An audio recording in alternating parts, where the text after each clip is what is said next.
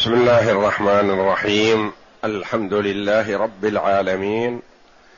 والصلاة والسلام على نبينا محمد وعلى آله وصحبه أجمعين. وبعد. بسم الله. بسم الله الرحمن الرحيم. أعوذ بالله من الشيطان أعوذ بالله من الشيطان الرجيم. بسم الله الرحمن الرحيم. والذي أخرج المرعى فجعله غثاء أحوى. سنقرئك فلا تنسى إلا ما شاء الله. إنه يعلم الجهر وما يخفى. حسبك. قوله جل وعلا والذي أخرج المرعى فجعله غثاء أحوى. معطوفة على الآيات السابقة.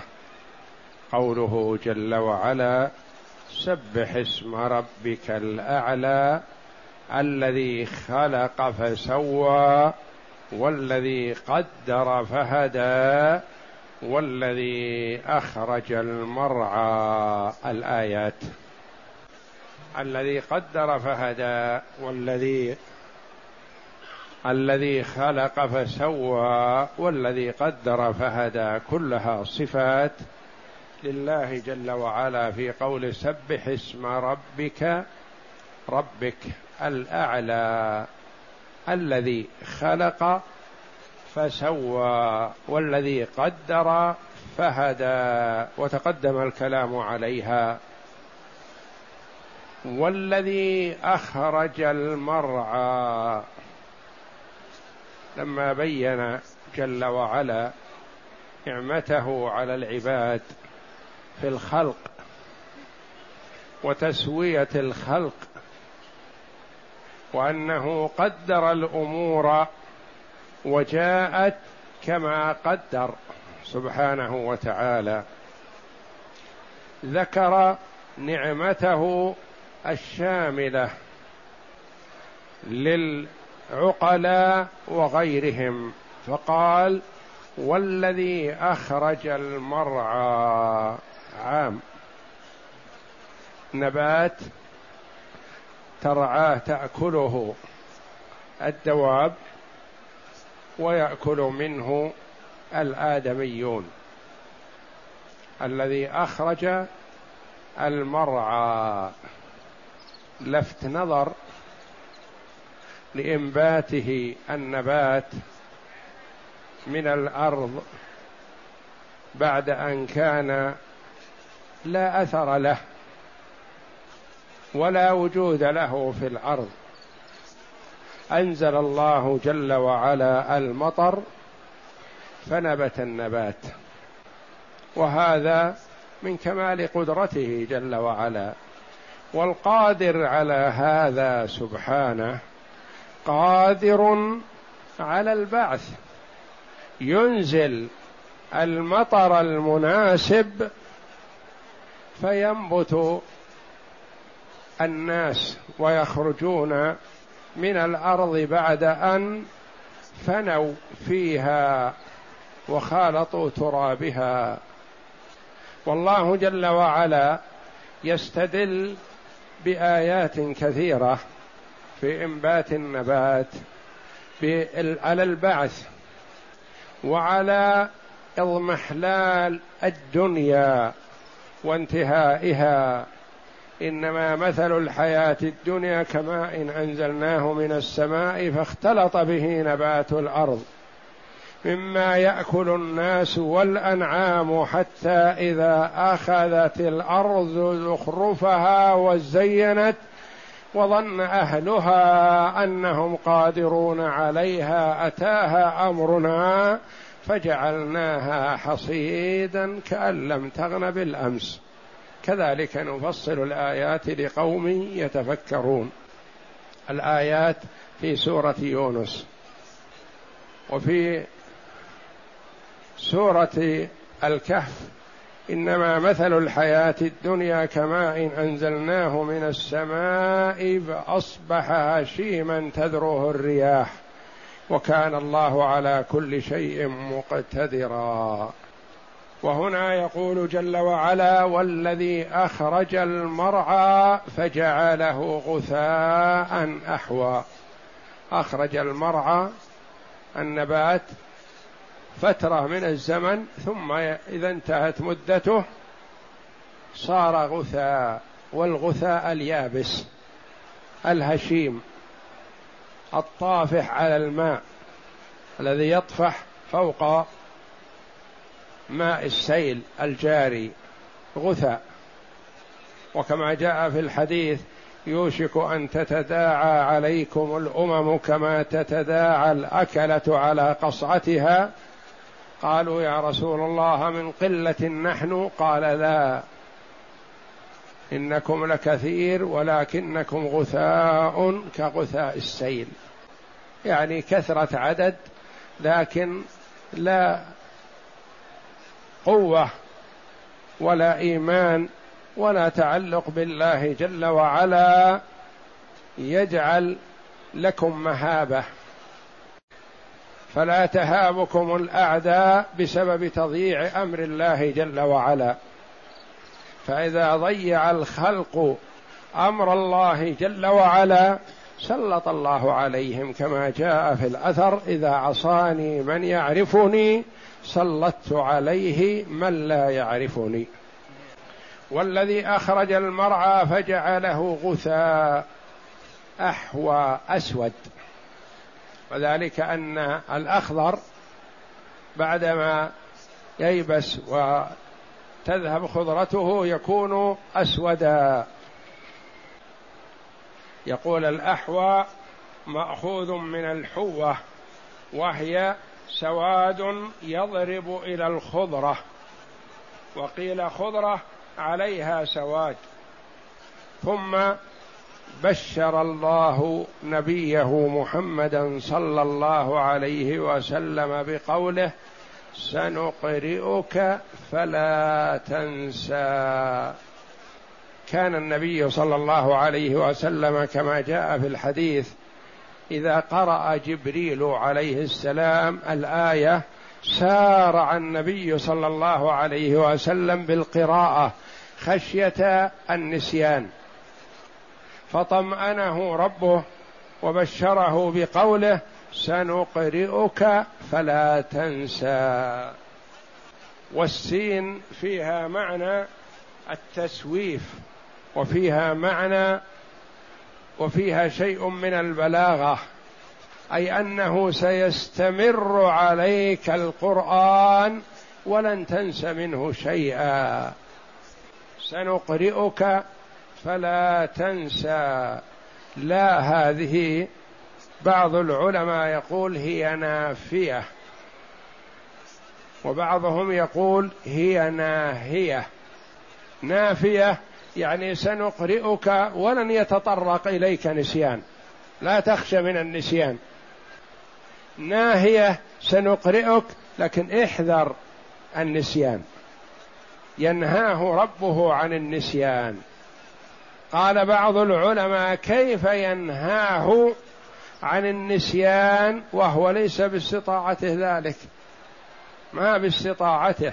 ينهى عن شيء لا يستطيع ليس من قبله.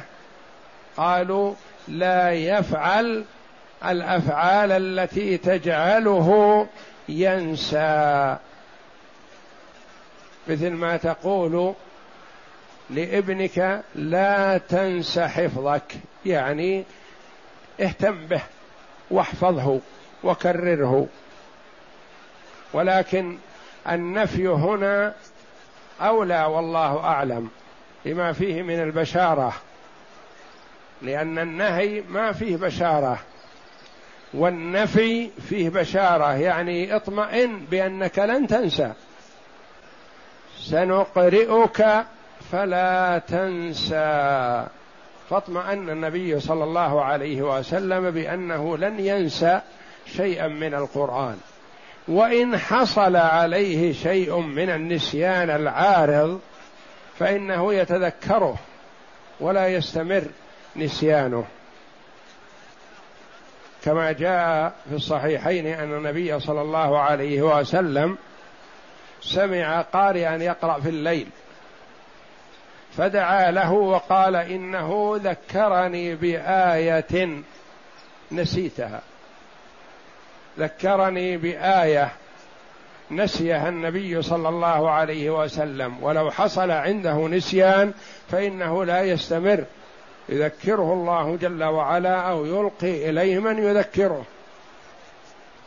فعن ابن عباس رضي الله عنهما قال كان النبي صلى الله عليه وسلم إذا نزل عليه جبريل بالوحي لم يفرغ جبريل من آخر الآية حتى يتكلم النبي صلى الله عليه وسلم بأولها مخافة أن ينساها.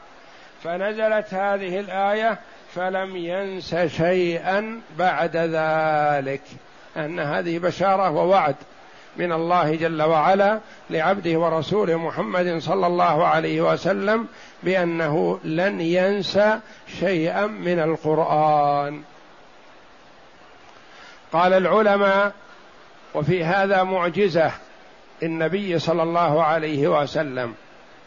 النبي صلى الله عليه وسلم أمي لا يقرأ ولا يكتب والأمية في حقه فضيلة. وإن كانت مذمومة في حق غيره صلى الله عليه وسلم فهي في حقه فضيلة. ووصفه ربه بأنه النبي الأمي. كيف كانت فضيلة؟ لأنه أمي لا يقرأ ولا يكتب وأتى بهذا القرآن العظيم. فذلك معجزة بأن القرآن من عند الله وليس من عنده. الأمي ما يستطيع أن يأتي بمثل هذا. ولو كان يقرأ أو يكتب لقيل ربما قرأه من بعض الكتب أو أملي عليه. ولكنه عليه الصلاة والسلام لا يقرأ ولا يكتب حتى ولا يعرف كتابة اسمه ولا يكتب اسمه ولا يعرف يقرأه عليه الصلاة والسلام. وهذه السورة مكية. ونزلت عليه هذه الآية وهو في مكة.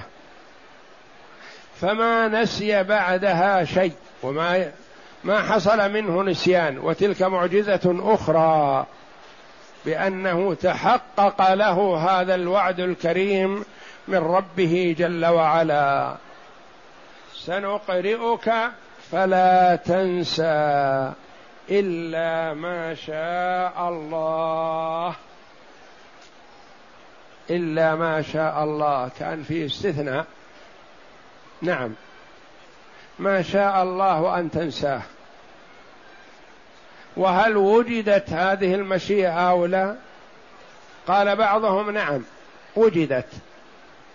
ما نسخ من القرآن لفظه وحكمه فإنه ينساه حتى لا يختلط عليه بالباقي المحكم. وقال آخرون لا يلزم أن يوجد هذا لأن الله جل وعلا قد يستثني الشيء ويعلقه بمشيئته فلا يشاء الله ذلك. ما يشاء الله أن ينسى محمد صلى الله عليه وسلم شيئا من القرآن. ومن المعلوم أن القرآن منه ما كان بين أيدينا منه المحكم الذي لم ينسخ. ومن القرآن ما نسخ حكمه وبقيت تلاوته. ومن القرآن ما نسخ لفظه وبقي حكمه. ومنه ما هو باق لفظه وحكمه وسائر القرآن. ما نسخ حكمه وبقي لفظه والذين يتوفون منكم ويذرون أزواجا متاعا إلى الحول غير إخراج. كانت العدة عدة الوفاة سنة بهذه الآية. فأنزل الله جل وعلا والذين يتوفون منكم ويذرون أزواجا وصية لأزواجهم متاعا إلى الحول. هذه الآية الأولى. ثم نزل بعدها والذين يتوفون منكم ويذرون أزواجا يتربصن بأنفسهن أربعة أشهر وعشرا. فالآية الأولى منسوخ حكمها وبقي لفظها بالقرآن تقرأ. ومما نسخ لفظه وبقي حكمه ما جاء في الأحاديث أنه كان فيما أنزل على النبي صلى الله عليه وسلم من القرآن الشيخ والشيخة إذا زنيا فارجموهما البتة نكالا من الله. والمراد بالشيخ والشيخة المحصن يعني الثيب. إذا حصل من الثيب زنا فإنه يرجم. رجلا كان أو امراه والحكم باقي وتلاوة هذه منسوخة. وسائر القرآن باق تلاوة وحكما حتى يأذن الله جل وعلا برفعه في آخر الزمان يرفع من الصدور ومن المصاحف فيصبح الناس والعياذ بالله وليس بين أيديهم شيء من القرآن. إلا ما شاء الله إلا ما شاء الله أن تنساه. وهل حصل شيء من هذا أو لا؟ قولان للعلماء رحمهم الله. قيل حصل وهو المراد به المنسوخ وقيل لم يحصل لأنه ما يلزم أن يوجد الشيء إذا علق على مشيئة الله جل وعلا فإن الله قد يشاء ذلك وقد لا يشاءه. إلا ما شاء الله إنه يعلم الجهر وما يخفى. فإنه أي الله جل وعلا قد أحاط بكل شيء علما.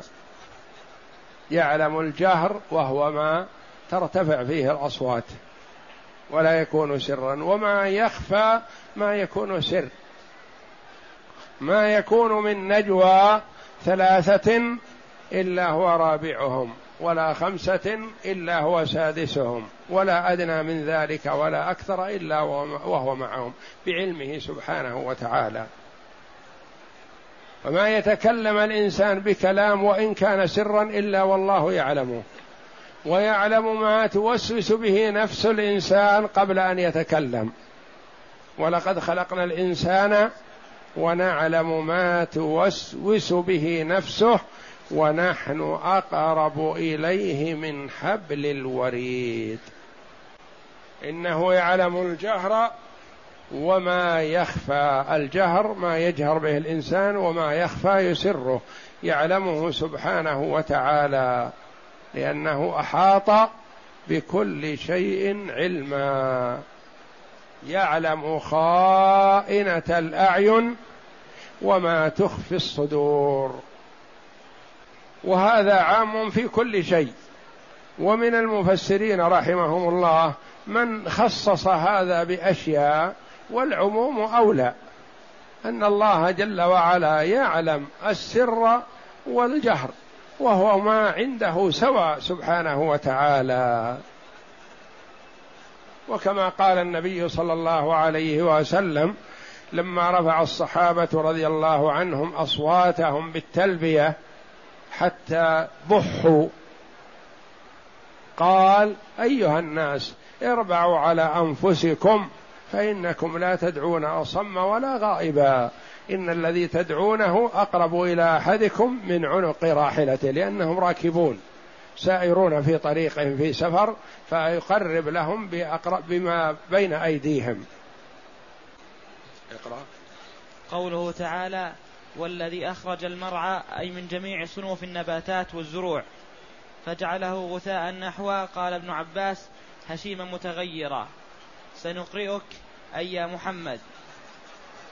فلا تنسى وهذا إخبار من الله تعالى ووعد منه له بأنه سيقرئه قراءة لا ينساها إلا ما شاء الله. وهذا اختيار ابن جرير وقال قتادة كان رسول الله صلى الله عليه وسلم لا ينسى شيئا إلا ما إلا ما نسي ما إلا ما شاء. وقيل المراد بقوله فلا تنسى طلب. وجعلوا معنى الاستثناء على هذا ما يقع من النسخ أي لا, ننسى لا تنسى ما نقرئك إلا ما يشاء الله رفعه. فلا عليك أن تتركه. وقوله تعالى إنه يعلم الجهر وما, وما يخفى أي يعلم ما يجهر به العباد وما يخفونه. من أقوالهم وأفعالهم لا يخفى عليه من ذلك شيء. وقوله تعالى ونيسرك لليسرى. تلك بشارة عظيمة. نجعل أمورك يا محمد كلها ميسرة. وشريعتك ميسرة. والأحكام التي تدعو إليها ظاهرة بينة. لا خفاء فيها ولا مشقة. ولا أغلال. وكل ما وجد نوع من أنواع المشقة جاء التيسير معه بإذن الله. ونيسرك لليسرى. لما كان السفر مظنة المشقة لأنه ما كل سفر فيه مشقة لكن الكثير والغالب في السفر في شيء من المشقة. جاء معه التيسير بقصر الصلاة الرباعية إلى ركعتين تخفيف. وجاء معه الجمع تيسير وتخفيف حتى يتسع له الوقت للسفر. يصلي مثلا الظهر والعصر ويركب ثم يستمر في طريقه إلى حوالي منتصف الليل ما يحتاج ينزل. فينزل نزلة واحدة قبل منتصف الليل يصلي المغرب والعشاء ثم إن شاء أن يسير وإن شاء أن يرقد. إفساح مجال. إن كان سائر من الضحى قبل زوال الشمس فيستمر في مسيره حتى آخر العصر. فينزل ويصلي الظهر والعصر معا جمع تاخير ثم يركب ويستمر إلى قرب منتصف الليل. وإن كان نازل قبيل المغرب مع المغرب فيصلي المغرب والعشاء في وقت المغرب ثم يستمر في سيره إلى الصباح إن شاء. وكلما وجد نوع من أنواع المشقة وجد الترخيص. لما كان نزع الخفين فيه شيء من المشقة جعل للمسافر ثلاثة أيام بلياليها. وللمقيم يوم ليلة يمسح ولا يحتاج أن يخلع خفيه.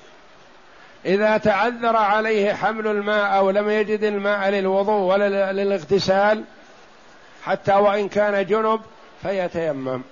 ضربة واحدة في التراب ترفع حدثه الأكبر والأصغر ويرتفع الحدث الأكبر عن المرأة في حال حيضها وفي حال نفاسها وتحل لزوجها وتصلي بضربة واحدة في الأرض.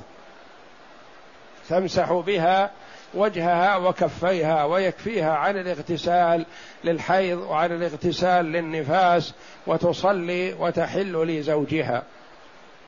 وكلما وجدت المشقة أو نوع من المشقة جاء التيسير. ويسر الله وسهل حفظ كتابه العزيز على العربي والعجمي. تجد الآن الأعجمي يقرأ القرآن قراءة جيدة غضا طريا كما نزل على محمد صلى الله عليه وسلم وإذا كلمته بكلمة واحدة من العربية ما فهم ما تقول. تيسير من الله جل وعلا. ولقد يسرنا القرآن للذكر فهل من مدكر؟ وشريعة نبينا محمد صلى الله عليه وسلم هي الشريعة السمحة السهلة. الميسرة. ليس فيها أغلال ولا مشقة. كانت النجاسة في من قبلنا إذا أصابت الثوب لا بد أن يقرض تصيب الثوب أو الرداء أو القميص أو المشلح أو أي نوع من الملبوسات ما ينفع فيه الغسل. لو غسل بماء الدنيا كلها ما طهر. لابد يقرض. وفي شريعة محمد صلى الله عليه وسلم قليل من الماء يزيل أثر النجاسة. من قبلنا لا يصلون إلا فيما كنائسهم أو بياعهم. وجاء نبينا صلى الله عليه وسلم بالتيسير والتسهيل جعلت لي الأرض مسجدا وطهورا. الأرض مسجد أي مكان تصلي فيه صلاتك صحيحة. وطهور يتطهر به يرفع الحدث الأكبر والأصغر بضربة واحدة في التراب. ونيسرك لليسرى. جعل الله جل وعلا شريعته سمحة سهلة ميسرة ويسر له طريق الخير وسهله وبينه وجعل الأحكام العامة للناس كلهم ميسرة كل يعرفها. يعرف كل مسلم كيف يصلي. والحج واضح جلي. والزكاة كذلك أمرها ميسر وسهلة. وجعلها شيء يسير في المال مما أعطى جل وعلا من المال الكثير. ربع العشر. ربع العشر في النقدين الذهب والفضة وعروض التجارة. ونصف العشر في الخارج من الأرض والعشر إن كان بدون كلفة ولا مؤونة. وسهل جل وعلا طريق الخير للعباد. وقد قال عليه الصلاة والسلام لقيت أبي إبراهيم ليلة أسري بي فقال لي أقرئ أمتك مني السلام وأخبرهم أن الجنة قيعان وأنها عذبة طيبة التربة عذبة الماء وأن غراسها سبحان الله والحمد لله ولا إله إلا الله والله أكبر. وقال صلى الله عليه وسلم من قال لا إله إلا الله وحده لا شريك له له الملك وله الحمد وهو على كل شيء قدير. عشر مرات كان بعدل عتق أربع رقاب من ولد إسماعيل. ومن قال لا إله إلا الله وحده لا شريك له له الملك وله الحمد وهو على كل شيء قدير. في يوم مئة مرة كتبت له مئة حسنة. كانت أولا كانت بعدل عشر رقاب. وكتبت له مئة حسنة. ومحيت عنه مئة سيئة. وكانت حرزه من الشيطان يومه ذلك.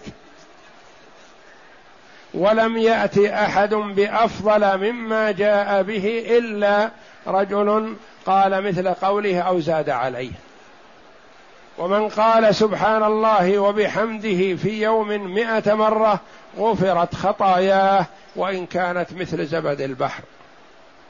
وقال جل وعلا إنا أنزلناه في ليلة القدر وما أدراك ما ليلة القدر ليلة القدر خير من ألف شهر.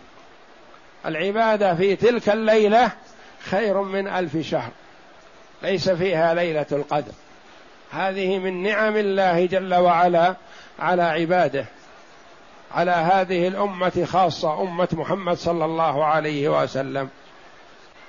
وأحل لهم الغنائم ولم تحل لمن قبلنا. كانت الغنائم من الكفار وضعوها في مكان ما فتنزل نار من السماء فتأكلها. وجعلها الله جل وعلا حلالا لهذه الأمة. ونيسرك لليسرى. وعد وبشارة من الله جل وعلا بأن أمره صلى الله عليه وسلم كله ميسر سهل. يسر له طريق الجنة. وبين له طريق النار ليحذره الناس. وما قبض النبي صلى الله عليه وسلم إلا ونحن على المحجة البيضاء. ليلها كنهارها لا يزيغ عنها إلا هالك. وأتم الله جل وعلا الدين لهذه الأمة في حياة محمد صلى الله عليه وسلم قبل أن يقبضه إليه. ونيسرك لليسرى. اقرأ. وقوله تعالى ونيسرك لليسرى أي نسهل عليك أفعال الخير وأقواله ونشرع لك, ونشرع لك شرعا سهلا سمحا مستقيما عدلا لا اعوجاج فيه ولا حرج ولا عسر. وقوله تعالى فلا حرج ولا تكليف ولا مشقة. كل ما وجدت المشقة جاء التخفيف من الله جل وعلا. أما من كان قبلنا فكان قد فرض عليهم أمور فيها مشقة. وفيها أغلال مفروضة عليهم. وهم من حيث القوة أكثر منا قوة لكنهم مع هذا كانوا أكثر تمرد وعصيان لأنبيائهم. فيسر الله جل وعلا أمر هذه الأمة وسهله فمن أراد النجاة فالأمر ميسر وسهل واضح وجلي ومن أراد غير ذلك فلا يلومن إلا نفسه. فقد وقع فيما وقع فيه بعد إقامة الحجة عليه. والله أعلم. وصلى الله وسلم وبارك على عبده ورسول نبينا محمد وعلى آله وصحبه أجمعين.